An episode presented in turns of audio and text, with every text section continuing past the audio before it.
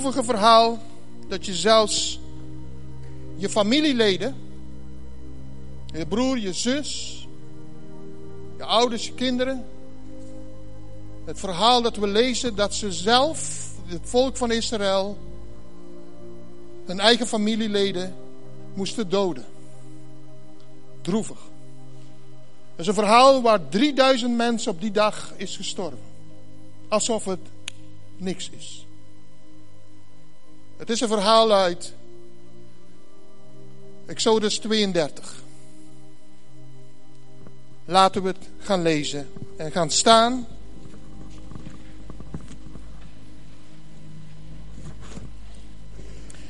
Uit eerbied voor God staan we.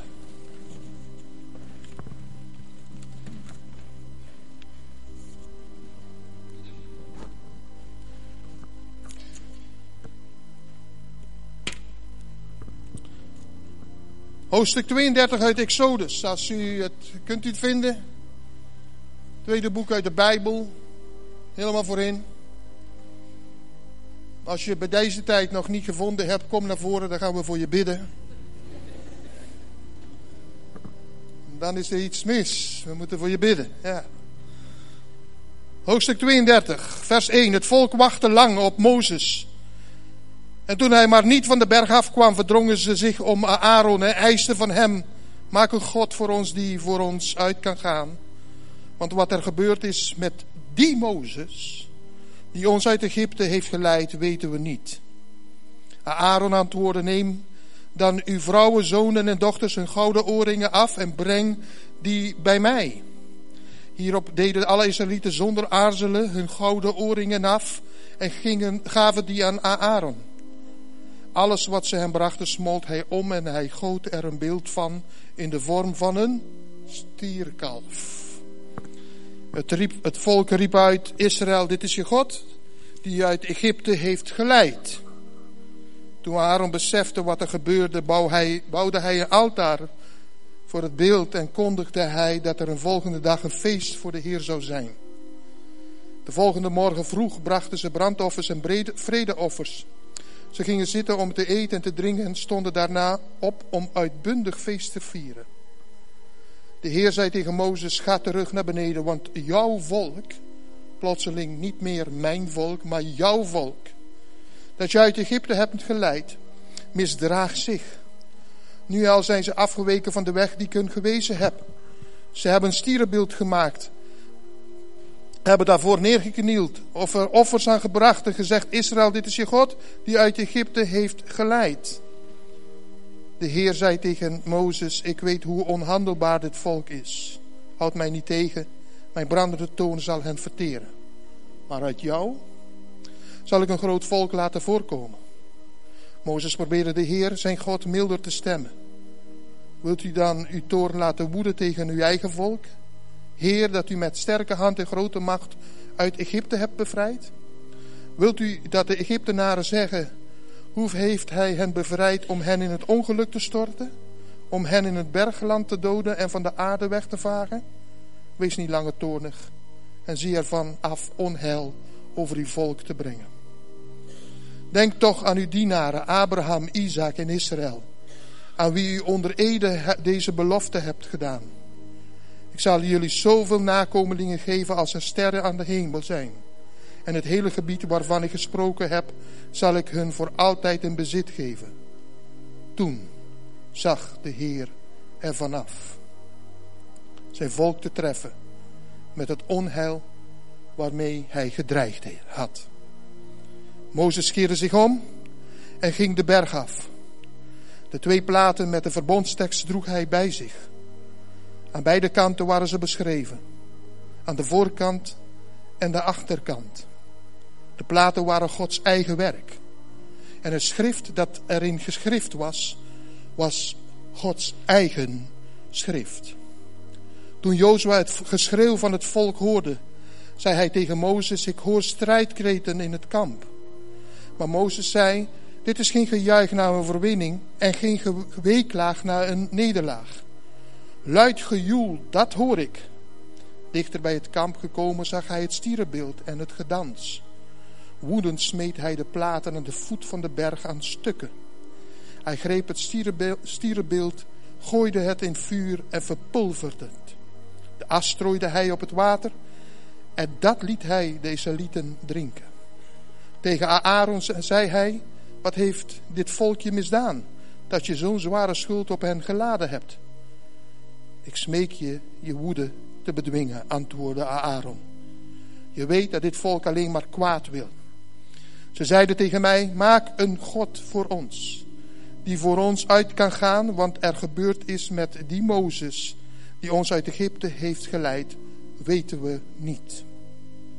Toen ik hen om goud vroeg, deden ze meteen hun sieraden af en gaven ze aan mij. Ik gooide ze in het vuur en toen kwam dat kalf eruit tevoorschijn. Mozes begreep dat het volk zich had laten gaan, omdat Aaron niet ingegrepen had en dat hun vijanden daarom de spot met hen zouden drijven. Hij ging bij de ingang van het kamp staan en zei: Wie voor de Heer kiest, moet hier komen. Alle nakomelingen van Levi voegden zich bij hem. Hij zei tegen hen: Dit zegt de Heer, de God van Israël. God je zwaard om. Jullie allemaal. Doorkruis het kamp in de volle lengte en breedte en dood iedereen die je tegenkomt, al is het je broer, vriend of verwant. De Levieten deden wat Mozes hun had opgedragen.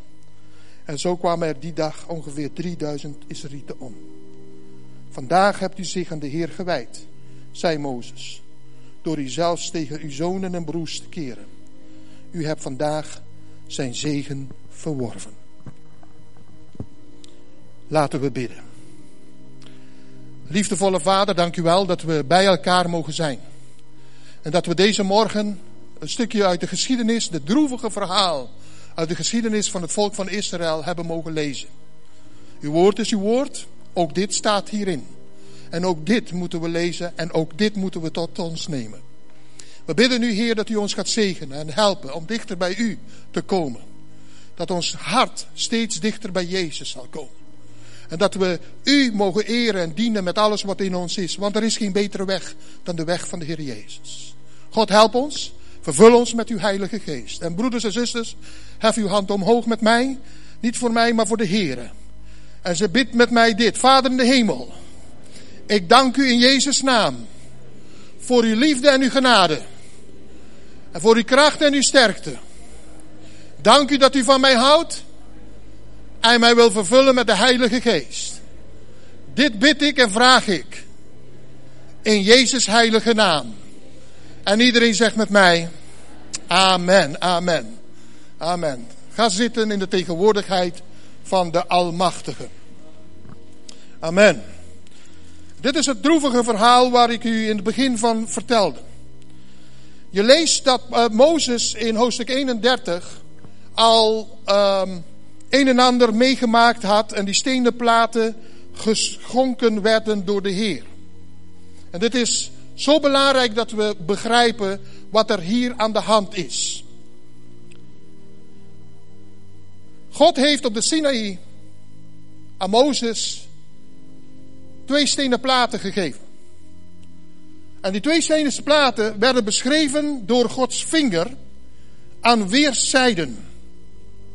Aan de voorkant en aan de achterkant. De Bijbel zegt dat God zelf het geschreven heeft. Wij weten dat uit, ik zal u noemen uit Exodus hoofdstuk 24, vers 12, dat er staat, de Heer zei tegen Mozes, kom naar mij toe de berg op en wacht daar. Dan zal ik je de stenen platen geven waarop ik de wetten en geboden heb geschreven om het volk te onderrichten. Dus het ging om onderwijs, onderrichten meer begrijpen wat Gods bedoelingen zijn. Staat ook beschreven, zo mooi beschreven in, uh, in Deuteronomium 9, dat God Mozes heeft gevraagd om naar boven te komen en vervolgens zijn wetten te aan te nemen. In hoofdstuk 9, Deuteronomium 9 vers 9 tot en met 11 staat, ik was de berg opgegaan om de stenen platen van het verbond dat de Heer met u gesloten had in ontvangst te nemen. Kijk wat Mozes zegt. 40 dagen. En veertig nachten bleef ik op de berg, zonder iets te eten of te drinken. En daarna overhandigde de Heer mij twee stenen platen met Gods vinger beschreven. Dat is heel bijzonder. Met Gods vinger beschreven. We weten in het Nieuwe Testament dat er sprake is in Matthäus 12, vers 28, dat eh, de vinger Gods vertaald wordt in het NBG en de Statenvertaling met de Heilige Geest. De Heilige Geest prentte de woorden van God in twee stenen tafels die God uitgehouwen heeft uit de bergwand van een rotsblok. En daarin heeft de Heilige Geest in Matthäus 12 vers 28 en Lucas hoofdstuk 11 vers 28 ook duidelijk laten zien dat de vinger Gods de Heilige Geest zelf is. Hij beschreef de woorden van God. Mozes zelfs daarboven. En halverwege op de berg de Sinaï heeft God tegen Mozes gezegd dat Jozua hier moest blijven. Ik zelf vind hem een held. Jozua, dan moet je eigenlijk, dat is een persoon die daadkrachtig is en die heb je nodig. En die uh, keuzes maakt. En dat is een preek op zichzelf. Maar vandaag wil ik alleen maar bij laten dat hij halverwege moest zijn. En Mozes moest verder gaan in de tegenwoordigheid van God. De Bijbel zegt dat hij 40 dagen, 40 nachten zonder eten en drinken daarboven was. Dat was heftig. Hoe God dat met Mozes gedaan heeft, dat weet ik niet. Kennelijk gaf hij hem een hemelse antibiotica en hemelse voeding dat hij in leven kon blijven. Want de mens is in staat om best wel een paar weken zonder voeding te leven. Maar daarna sterft hij ook. Maar zonder vocht, zonder water, dan ga je niet zo lang volhouden. Het is veel korter. Een mens sterft. En de een sterft iets eerder dan de ander, maar je gaat jezelf helemaal vergiftigen van binnen. En uiteindelijk sterf je. Je hebt vocht nodig, zodat je organen kunnen functioneren. En wat gebeurde hier in dit verhaal, lieve broeders en zusters? Dat Mozes toch 40 dagen en nachten kon. Maar de berg Sinaï is nog koel daarboven. En hoe God dat gedaan heeft met Mozes, nogmaals, I don't know. Wat ik wel weet is dat ook de Heer Jezus 40 dagen en 40 nachten, niet op een berg, maar in de woestijn, moest blijven. Ook zonder eten en zonder drinken.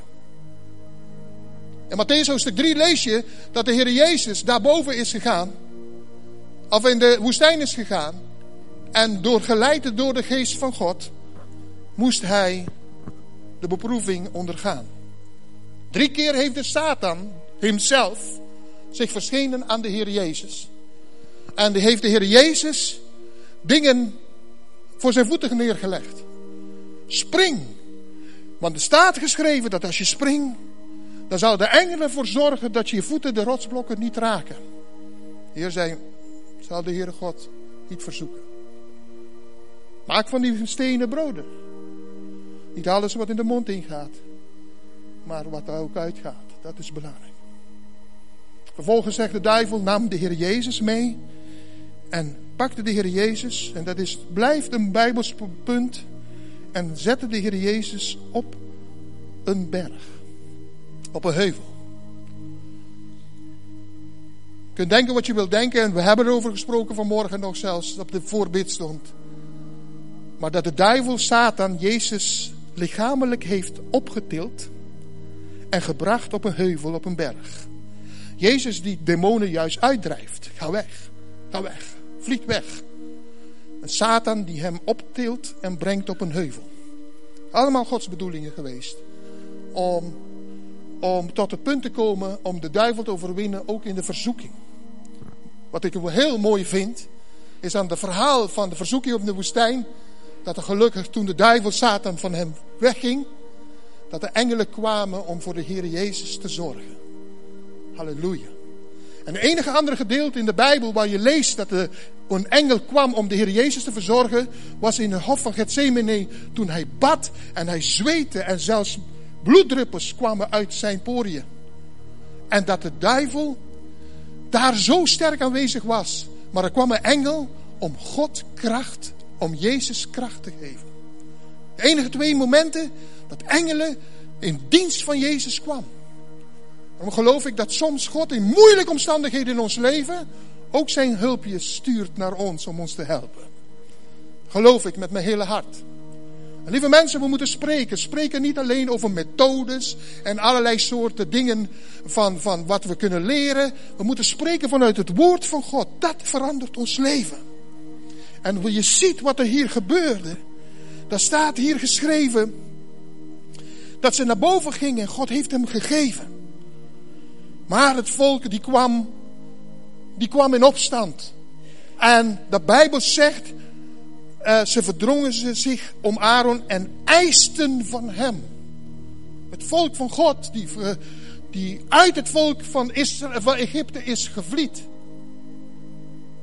is in opstand gekomen tegen de Heer. Volk van God die bevrijd werd uit 400 jaar slavernij, tien geslachten. Dus het volk van God kwam in opstand omdat het gewoon voor hen te lang duurde. 400 jaar waren ze in Egypte. En toen mopperden ze. 40 dagen konden ze niet uithouden, omdat Gods man daarboven was. 40 jaar of 40 dagen. 40, een belangrijk getal in de Bijbel. Het is een getal van een geslacht. 40 is het vervolmaking van een tijd. Een afgeronde, afgerond geheel. En 40, lezen we hier, hadden ze geen geduld om op hem te wachten. Dus dag 1 ging voorbij, dag 8 ging voorbij, dag 12 ging voorbij. En ze begonnen te mopperen en te zeggen, hey, dat duurt wel lang hè. Vind je niet? Ja, ik vind het ook lang, maar ja, we laten me wachten, want het is Mozes. Heb je nog uh, gedacht hoe God ons uit Egypte heeft gehaald? En dat de Nijl openging, de Schelfzee openging, pardon, en dat de Rode Zee openging? Weet je nog dat die tijd gebeurd is? En ze zeiden ja, ja. Weet je nog dat God elke dag kwakkers naar beneden laat komen? En als we onze tent openmaken, dat we zo broodjes kunnen halen? Weet je nog? Wij gaan niet naar de bakker, de bakker komt naar ons. Weet je nog dat God uit de rots water gaf? Ah ja, ja.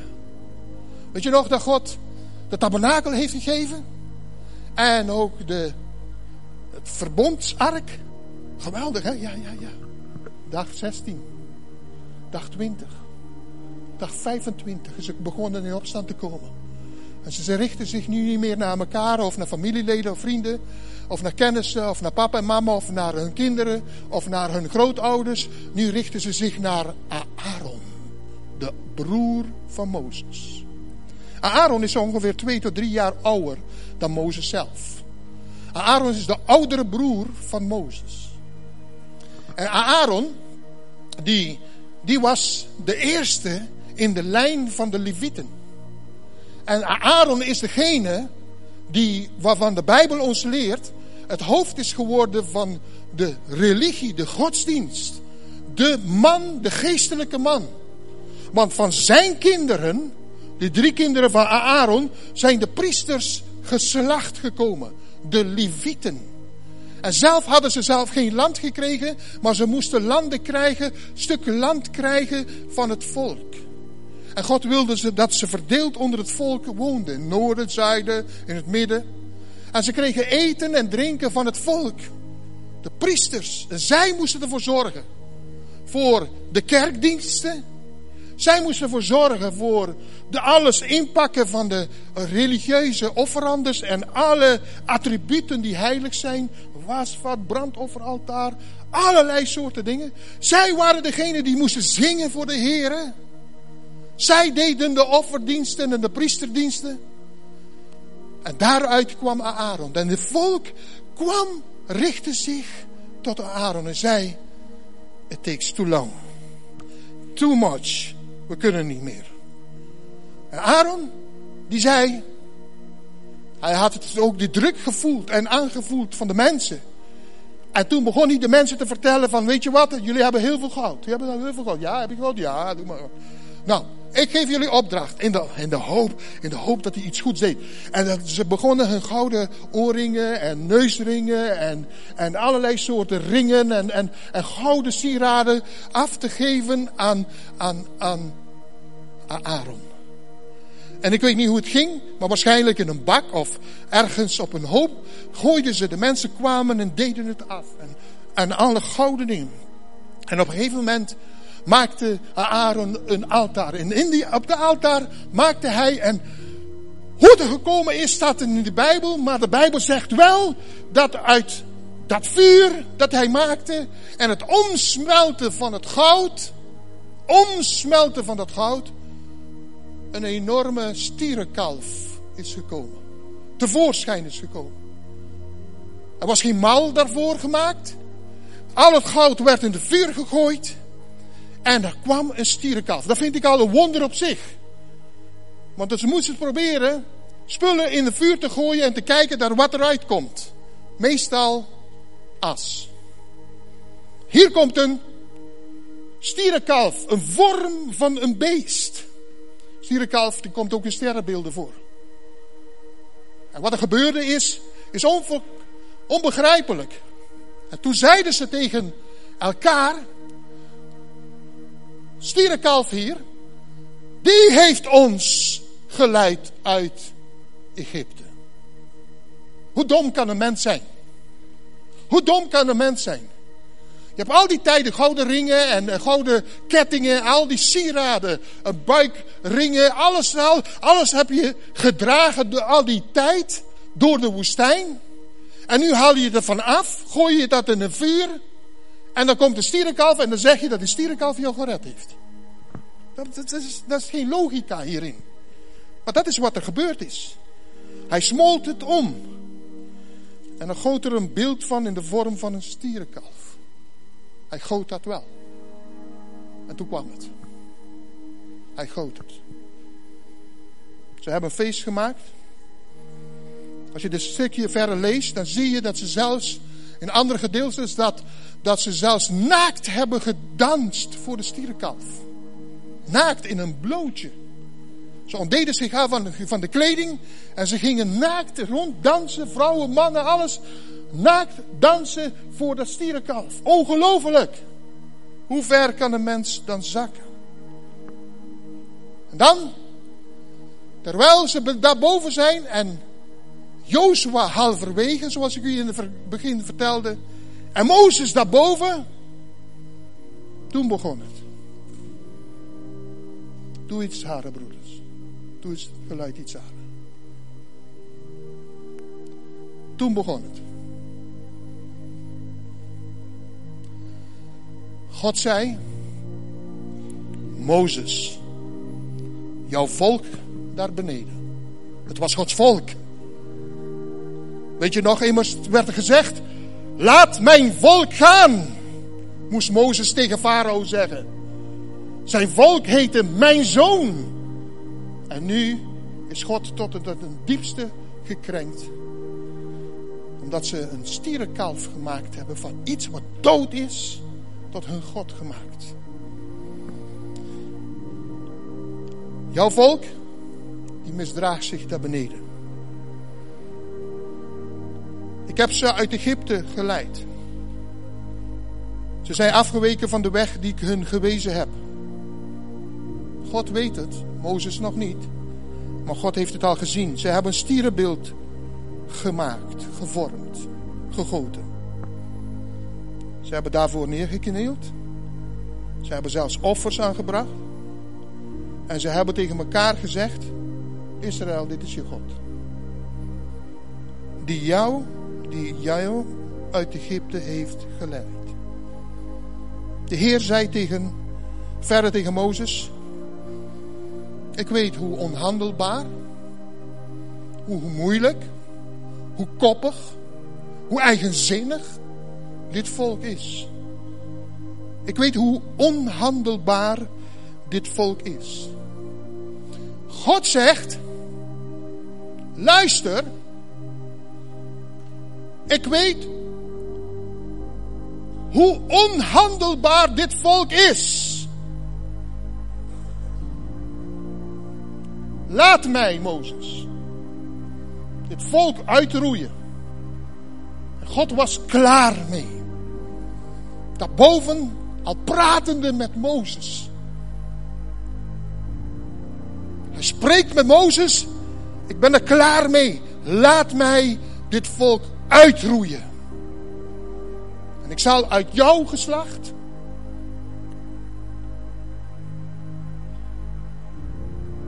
een nieuw volk maken. Ik weet niet of God dan ook de twee vrouwen van Mozes zou, ook zou doden. Dat weet ik dus niet. Dat weet ik niet. Dan zou die andere vrouw moeten trouwen. Dat weet ik niet. Wat ik wel weet, is dat God zegt: Ik zal uit jou een nieuw volk maken. Houd mij niet tegen. Mijn brandende toorn, en voor degenen die toorn niet begrijpen, is een beetje oud-Nederlands woord voor boosheid. Mijn brandende boosheid zal hen verteren.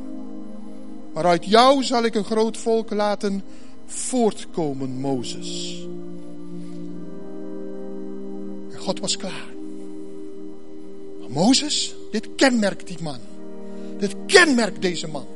Hij heeft zo ellende op ellende op ellende meegemaakt. Hij heeft zoveel strijd meegemaakt. Keer op keer tegenstand, opstandigheid, rebellie. Maar deze man kenmerkt, heeft een hart dat zo vergevingsgezind is dat je u tegen zegt. Zeg maar Heer, maar Heer, Heer. Mozes probeerde de Heer, de God, in zijn heilige toorn, in zijn heilige boosheid, milder te stemmen. En hij zegt, Heer, wilt u dan uw boosheid laten woeden tegen uw eigen volk, Heer? Wilt u ze uitroeien zoals andere volken die ons hebben zien langskomen? Um, ons zouden uitlachen? Kijk eens, hij heeft ze uit het volk Israël, uh, uit Egypte weggeleid. En hij heeft ze laten om, omkomen in de woestijn. Ha, ha, ha, wat een leuke God heeft Israël. Daar hadden ze de Heere God uitgelachen en het volk van Israël belachelijk gemaakt. Wilt u dat, Heer? En hij, hij stelde twee, drie vragen. En hij zei, wilt u dat de Egyptenaren dat zeggen? En dan herinnert Mozes de Heer. Kijk, God, God is God. Hè? Wie is God? Wie is God? Wie is God? God, God is de schepper van hemel en aarde. Hij is de God van Abraham, Isaac en Jacob. Hij heeft het heelal geschapen. Hij is nooit geboren geweest. Hij bestond er altijd. Hij is in zijn tegenwoordigheid almachtige soeverein en boven alles en buiten alle tijd. Hij is God. Heilig. Hij heeft jou en mij niet nodig om te leven. Hij heeft jouw approval, jouw goedkeuring niet nodig. Hij heeft jouw mooi gedrag niet nodig. Hij bestaat en dankzij Hem bestaan wij. En niet andersom. Wij, hij bestaat omdat wij Hem leuk vinden. Hij bestaat omdat Hij ons, Hij, Hij bestaat en Hij heeft ons lief gehad. Dat is wat de Bijbel zegt. Mozes praat met de Heer. Heer. En ik wil met u naar de gemeente dit jaar niet alleen een kerk zijn waar we het woord horen zingen en daarna gaan we weer weg. Maar dat we uitvoerende christen zijn. We praktische christenen zijn. Dat wij laten zien aan de wereld dat Jezus leeft. Een relatie hebben met Jezus. Dat je christen in de praktijk bent en niet alleen theoretische christen. Mozes praat met God en die stemt hem milder en die zegt: Heer, alsjeblieft, please, Heer, alsjeblieft. Wilt u dat niet doen? Wie is Mozes om tegen God te zeggen: Doe het alsjeblieft niet? Maar God houdt van die mensen. God houdt van mensen die voor de ander willen opkomen. Die voor de zwakkere en slechte willen opkomen. Die niet alleen willen zijn, die, die zweven daarboven en de andere mensen zijn uh, zo en, en ze moeten nog veel dingen leren. Nee, die juist voor de zwakke wil komen en helpen. Die zwakke wil op, voor hem en haar wil opkomen. Het is heel makkelijk om iemand de trap na te geven.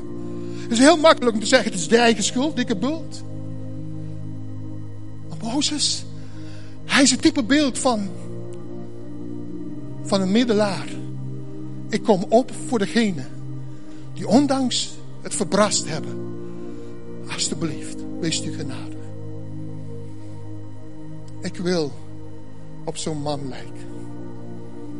Die opkomt voor de gerechtigheid en eerlijk zijn. Mozes, Heer, doe het niet. De Heer hoorde Mozes aan. Bewijzen van spreken, het staat er niet in de Bijbel, maar ik kan me voorstellen dat God al zijn hand omhoog heeft opgeheven om het volk te zwiepen uit deze aardbol. Mozes was aan het bidden en naarmate Mozes aan het praten was met God, ging Gods hand naar beneden. Daarom is het belangrijk dat je je taak doet en je trouw bent in de dingen wat je moet doen. Ik zal het vertalen. Ik zag een heleboel tieners naar de tienerdingen gaan. Maar er zitten heel veel genoeg mensen hier die moesten leren op school. Hey, je kunt leren wat je wil. Je kunt het boek, je kunt zeggen, ik ben heel geestelijk. En ik kan heel, ik, ik ga bidden dat de Heer mij helpt met de boeken. En dat ik morgen mijn examen ga halen. En ik bid ook nog in tongentaal. Weet ik, die hoppakappa, niks. Je moet de boek open doen en gaan lezen.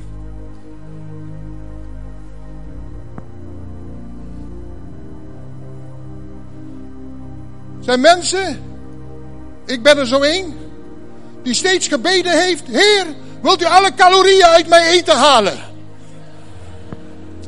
U ziet al wat er met mij gebeurd is. God heeft het niet gedaan. Ik moet niet bidden, help mij Heer om af te vallen. Niks. Hoppakapa, rennen. Afvallen. Dat helpt jou. De Heer wil dat we dingen begrijpen. Dat er sommige dingen geestelijk zijn en sommige dingen niet geestelijk zijn. Je zult gewoon dingen moeten doen. Je moet je verantwoordelijkheid begrijpen. En Mozes begreep zijn verantwoordelijkheid en het pad. De mooiste tekst uit deze Bijbel vind ik. Toen zag God er vanaf. Zijn hand daalde. En God zegende het volk. Mozes ging naar beneden twee stenen tafelen aan weerszijden. Hij kwam met die stenen tafelen en hij zag het volk. Hij zag een stierenkalf. En dat was de fout van Mozes. Maar hij gooide met die, stieren, met die twee stenen tafelen naar die stier. En raakte zo wat. En op een gegeven moment zei Mozes, wat hebben jullie gedaan? Wat zijn jullie voor volk? Ja, heer, het duurde zo lang. Aaron zei, u weet hoe het volk is, toch? Alsjeblieft rustig aan, relax, niet zo boos zijn. Opmerkelijk is dat God, Aaron deed veel fouten hier. Hij had moeten opkomen voor het volk en zeggen, voor God en moeten zeggen, ben, zijn jullie helemaal gek geworden?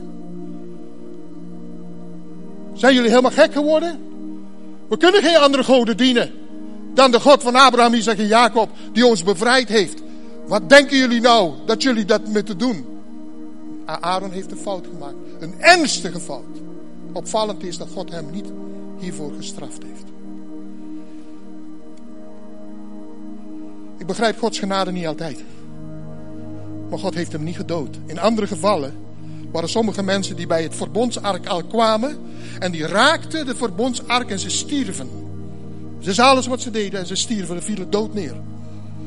Maar hij begaat een ernstige fout en God vergeeft hem. Begrijp niet altijd Gods vergeving. Maar God is wel nog heilige God. Mozes pakt het gouden stierenkalf. Die gooit het in het vuur, in het water. As, hij, de as dat hij pakte, gooide het water en zei... En dit gaan jullie drinken. volk had kunnen zeggen, wie denk je dat je bent? Je bent 40 dagen en 40 nachten erboven geweest. En nu ga je zeggen dat wij dit moeten drinken. Je spoort niet Mozes. Maar de mensen hadden ontzag voor Mozes. Want ze wisten dat het een godsman was. En ze pakten het water. En ze dronken. Water en goud. As. As is het beeld van totale vernietiging. Van niet meer aan denken. Daarom moeten we als christenen ook niet gecremeerd willen worden. Maar crematie is een straf en sanctie van God in de Bijbel. En crematie, en daar heb ik een artikel over geschreven. Crematie is een sanctie, is een straf. Zodat je niet meer aan die persoon gedacht zal worden. Het heeft een beeld. Ze moesten zelfs graven leeghalen. En ze deden dat. Het gebeurde. Het gebeurde. God wil dat niet. Het staat in de Bijbel. Maar wat gebeurde hier? De Heer zag van de boosheid af. En Aaron zegt, ik smeek je je woede te bedenken. Je weet dat dit volk alleen maar kwaad wil. En Mozes zegt, dat weet ik. Maar jij hebt fout gedaan, vriend. God liet het zo bij Aaron. Opmerkelijk. De Bijbel leert ons, wie voor de Heer kiest, moet hier komen. En Mozes liet heel duidelijk merken, wie voor God wil kiezen, moet hier komen. De levieten stonden op en die kwamen. Waarschijnlijk Aaron ook. En die maakte een keuze. Ze moesten zwaard, en dat is heel moeilijk te begrijpen, dit stukje. Heel moeilijk, je kunt zeggen wat je wil, maar het is raar. Ze moesten zwaard trekken en moesten door het volk gaan. En al tref je je broer, je moeder, je zus, je, broer, je vader, je dochter, je zoon. Zo so be. Zo so be. En ze moesten schoonmaak maken in het volk. 3000 mensen stierven. Als je niet breekt met de zonde, als je niet de zonde doodt, komt de zonde weer terug in je leven. En God wil, is een God van heiligheid. En hij wil dat je breekt met zondes. Want als je dat niet breekt, komt het terug in je eigen leven. En die as moet je weer opeten en opdrinken. De Bijbel zegt, u hebt vandaag zijn zegen verworven. Zullen we opstaan?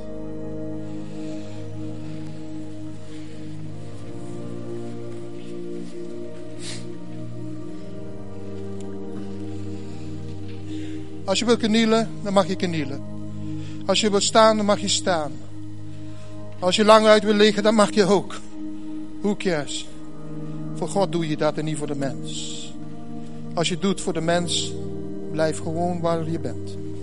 Doe het niet. Maar God, wij komen bij u. Wij hebben u zo nodig in ons leven. We hebben allemaal de neiging toe om afgoden te hebben in ons leven. Het kan van alles zijn. Het kan een rij gaan noemen. Maar dat weten we zelf wel. Dingen die heel belangrijk zijn in ons leven. Zo belangrijk dat het ons leven drijft. En eigenlijk de plek inneemt die u behoort te hebben. Het kan ons bezit zijn, het kan ons gezin zijn, het kan ons vrienden zijn, het kan ons geld zijn. Het kan je werk zelfs zijn. Het kan je man zijn, het kan je vrouw zijn. Het kan je kinderen zijn.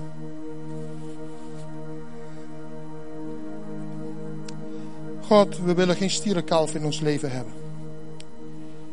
We willen Jezus in ons leven.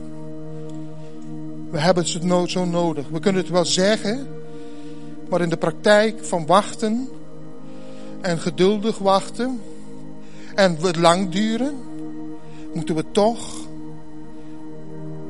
discipline laten zien dat u God bent die zegt wat hij zegt en doet wat hij doet. En die zegt en doet wat hij zegt. U bent een praktisch ingestelde God. Daar waar je bent, hef, sluit je ogen. Sluit je ogen. Breng anderen niet in verlegenheid. Respecteer dat. Maar misschien ben je hier in deze zaal. En het wordt dus tijd dat je Jezus gaat dienen. En er wordt eens tijd dat je een keuze gaat maken voor Jezus. Want je kunt niet vriend zijn van alle man en van iedereen. Je kunt niet vriend zijn met allerlei soorten goden. Ja, christenen zijn goed en Pinkstergemeente is goed. Maar ja, wie zegt dat de anderen niet goed zijn? Het gaat niet om dat wij goed zijn. Het gaat om wat Gods woord zegt. En God roept je vandaag om een keuze te maken in je leven. En vandaag is een dag dat je keuze kan maken. En het oude los gaat laten. En dat je je leven geeft aan de Heer Jezus. Dat je stopt met het oude. En een duidelijke keuze maakt met Jezus. Want Hij heeft jou lief. Hij heeft jou zijn leven gegeven opdat je zou leven. En ik wil je een kans geven. Een kans zoals Mozes zei, kom deze kant uit. Als je hier bent. In deze ruimte. En je hebt geen duidelijke keuze gemaakt voor Jezus Christus ooit in je leven. En Hem aangenomen als je redder en verlosser.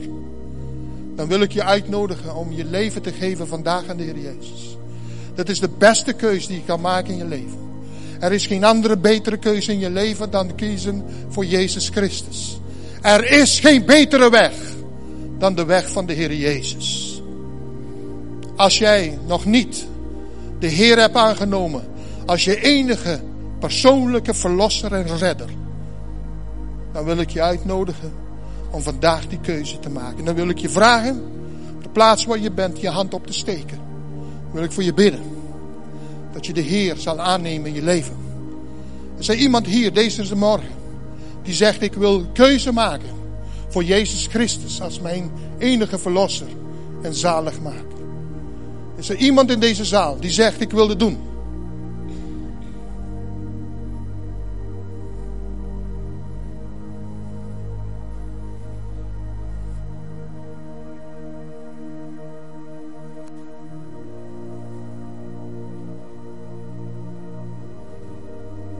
wil bidden voor ieder die God verder wil dienen in zijn of haar leven. En die zegt, Jezus, ik wil al die afgoden in mijn leven, wil ik korte metten mee maken. Het is een van de meest droevige verhalen uit het volk van Israël. Maar het kan zich herhalen, en ook in onze tijd, in onze kerken en in onze levens, in onze gezinnen. Heb God lief boven alle dingen. En je naaste als jezelf. Niet je naaste boven alle dingen. Niet je spullen of mensen boven God. Maar God boven alles en iedereen. Kan ik amen opkrijgen. Als je gebed wil hebben dan zou ik zeggen, samen met mij strek je handen uit naar de Heer. Ik wil bidden dat de Heer ons zal helpen om volledig voor Hem te leven. En alle afgoden in onze levens te verbreken. In de naam van Jezus. Ik wil elke afgod in mijn leven verbreken. Ik wil elke ongerechtigheid in mijn leven verbreken. Bid dit gebed met mij. Het is een heilig moment, lieve mensen. Een moment dat de Heer ons hoort. Vader in de hemel, ik kom tot u in de naam van Jezus. Niet mijn spullen, niet mijn attributen, niet mijn carrière, niet mijn bediening, niet mijn geliefden. Niets, Heer. Gaat u te boven. Ik wil voor u leven, Heer. U bent mijn God. En u wil ik dienen. En ik wil u vragen. Door genade in Jezus Christus. Dat ik altijd u, Heer Jezus, op de eerste plaats wil laten zijn. In mijn leven. No matter what. Wil ik u dienen. Ik wil u volgen, Jezus. Ik wil u dienen. Help mij. Om elke stierenkalf in mijn leven weg te doen. Help mij om elke ongerechtigheid en elke zonde uit mijn leven te banen. Help mij om in de schoonheid van uw aanwezigheid te mogen leven. Want er is geen betere weg dan de weg van de Heer Jezus. Ik wil die weg gaan. Die keuze maak ik vandaag. Bij vernieuwing. Bij verfrissing. En dat bid ik Vader. In de heilige naam van Jezus. En het volk zegt met mij. Amen. Geef de Heer een applaus en prijs zijn naam.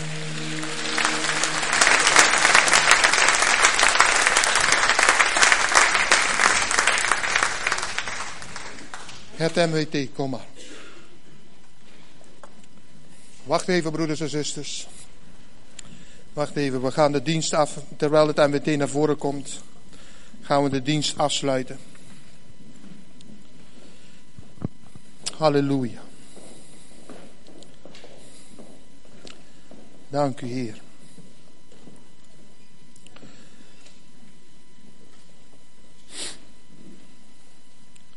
We zijn u zo dankbaar, Heer, dat u in ons midden bent. Uw woord is de waarheid. En de waarheid maakt ons vrij. We willen dit gedeelte uit Exodus 32 heel goed in ons hart bewaren en in ons achterhoofd. Nooit vergeten wat u voor ons gedaan hebt. Zo Heer, zegen ons verder en wees met ons. Bidden wij en vragen wij in de naam van Jezus. Zo zij de liefde van God en de geweldige genade van onze Heer Jezus Christus en de troostvolle gemeenschap van en met de Heilige Geest. Zij en blijven totdat Christus zijn toebereide volk, zijn gemeente, opkomt halen. Want Jezus, Hij komt spoedig terug. En iedereen zegt met mij, God zegen u.